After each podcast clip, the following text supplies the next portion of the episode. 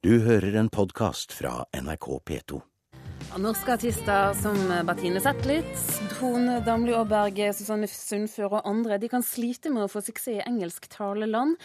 Rett og slett fordi de er for dårlige i engelsk. Det mener Anjo Klungvik Grindal. Du er professor i engelsk på NTNU. Du er også sangoversetter og selv jazzvokalist. Hva er det egentlig som er problemet?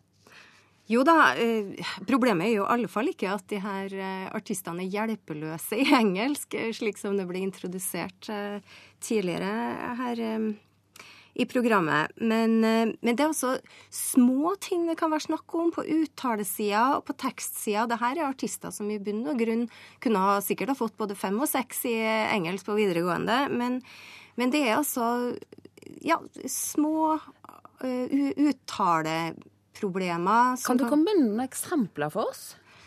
Um, uh, ja, altså uh, Du tenker på, altså, Hva slags småfeil kan det være snakk om?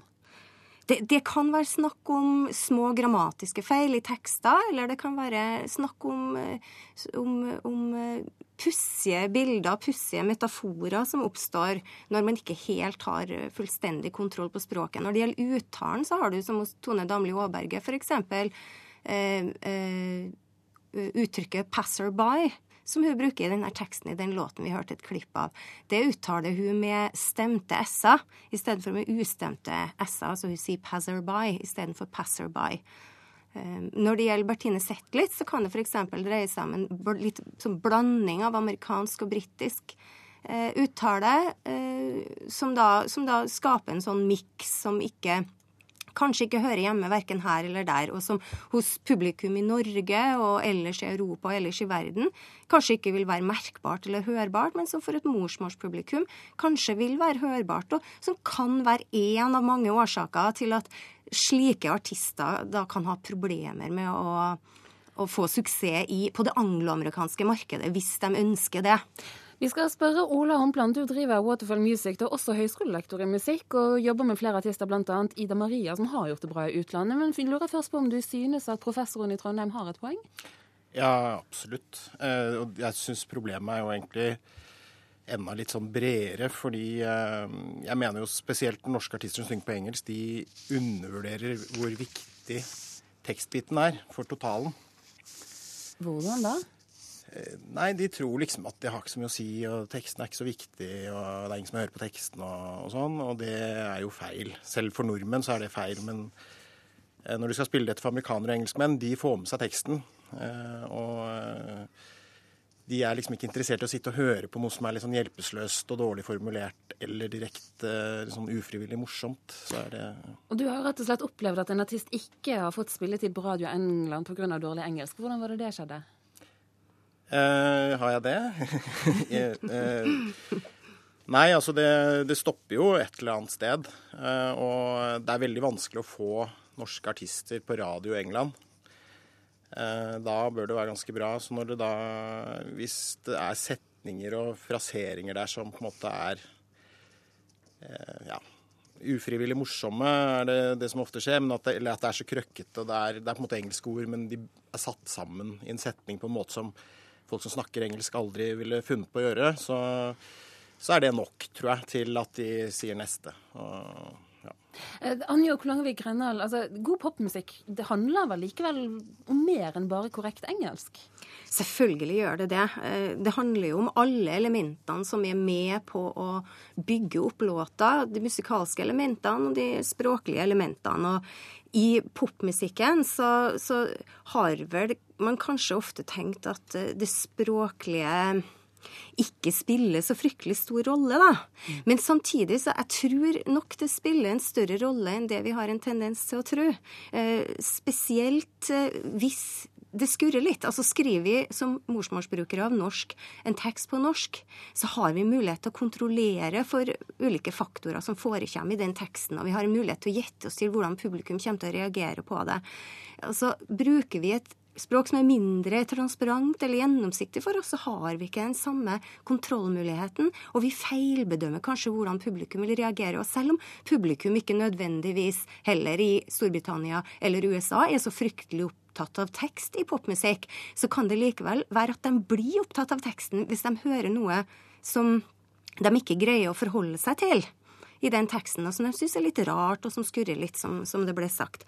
Men, men, jeg vil gjerne si det. Eh, det ble sagt her at artistene undervurderer viktigheten av tekst. Det kan nok stemme, men jeg tror mitt budskap litt er at, at, at det er bransjen som undervurderer viktigheten av tekst her. Og jeg vil gjerne ha det litt over fra artisten til bransjen og til, til plateselskapene og de som skal de som ha, har det ultimate ansvaret for det her produktet. Hvordan er det der egentlig ansvaret ligger? Vi tar det ansvaret veldig på alvor. Så vi opplever det som en veldig sånn konflikt med alle nye artister vi begynner å jobbe med, med dette med tekstene. Så, eh, så, dette er ikke noe vi tar lett på. Vi er, vi er, det er helt uaktuelt for oss å bruke masse tid på en artist som ikke tar tekstene på alvor. Da finner vi noen andre å jobbe med. Det er på tide å gi ordet til Christian Ingebrigtsen. Du er musiker. Mange kjenner deg fra bandet A1. Du var på toppen av britiske og norske hitlister, og flere andre også. Og i A1 så var du det eneste bandmedlemmet som ikke hadde engelsk som morsmål. Hvordan var det for deg? Du, det, det, var veldig lærerikt, fordi eh, Ja, som sagt, jeg er jo norsk. Og, men jeg hadde bodd eh, i utlandet noen år, studert. Eh, både i England og som utvekslingsstudent i USA. Så jeg hadde allerede fått uh, ganske mange sånne lær lærdomslekser, eller hva skal jeg kalle det. Jeg, jeg lærte mye, da, uh, på de åra. Og jeg tror faktisk at det er, er, noe av nøkkelen her. For det handler ikke bare om korrekt grammatikk. For jeg også hadde gode, gode karakterer i engelsk på skolen. Men så opplever jeg det at det som kanskje er eh, korrekt grammatikk, ikke nødvendigvis er det som en 16 eh, år gammel gutt eller jente ville sagt i Dallas, Texas f.eks. Altså, Der kommer hverdagsspråket inn igjen. Ja, man bruker jo altså kultur, Kulturelt da, så bruker man jo språk eh, litt annerledes enn vi kanskje lærer det på, på skolen. Um, og, og, derfor blir mye Ja, det kan være riktig, det kan være korrekt, men, men det er bare altså, Det vil ikke noen kjenne seg igjen i. Det er ikke god tekst. Det er ikke sånn vi ville kjent det. Det er, ingen som kommer til å relatere seg til det i, i samfunnet i dag, i de og de i, i statene i USA eller i, i England, for den saks skyld. Så hva gjør man da, som artist som har lyst til å slå igjennom i det angloamerikanske markedet? Jeg tror man rett og slett må tilbringe tid der og være der.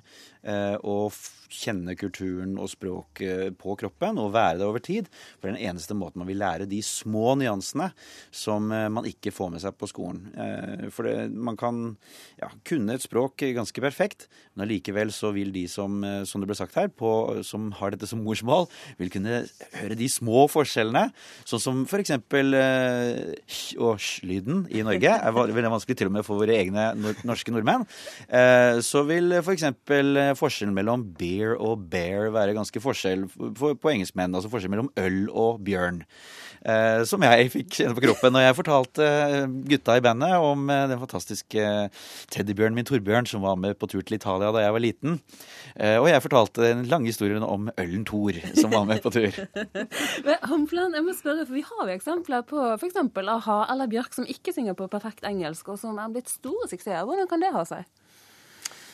Eh, det, er jo, det, er jo, begge liksom fantastiske artister, så det er, jo, eh, det er jo alltid mange unntak her. Og som du, du nevnte Ida Maria her innledningsvis, hun er jo eksempel på en av de som har skjønt uh, å, å, ta tekstene på alvor. Så der har vi ikke Der, der tror jeg det er ingen som har blanda seg inn noen gang. Hun fikser det helt fint selv.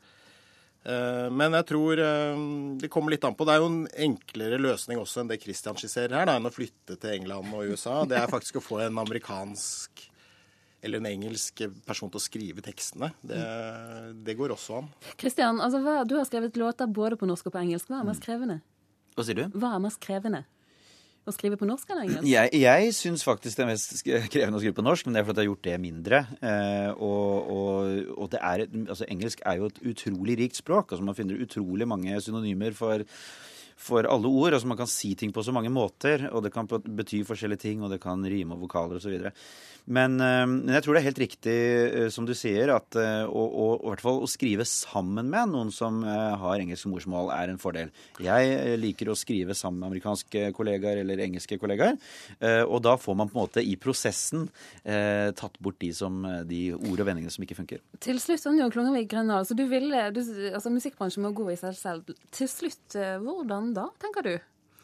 Eh, altså, jeg tenker jo mye det samme som, som det som kommer fram her. Eh, at man må få noen å jobbe med teksten sammen med, og at det ikke nødvendigvis kanskje skal være nødvendig å ha et opphold i utlandet, men nå, eller i et engelsktalende land. Men nå er det jo veldig mange som gjør det uansett, og som får mye derfra. Eh, som, som, kan hjelpe på veien. Men uansett så tror jeg at eh, tekst generelt er, det beste tekstproduktet. er alltid et produkt av teamarbeid. Og det å få noen som har engelsk som morsmål, og spesielt noen som har engelsk som morsmål og god innsikt i språk, og, og, sangtekst, og jobbe, få, få, noen å jobbe sammen med, eh, det må da være en, en god løsning.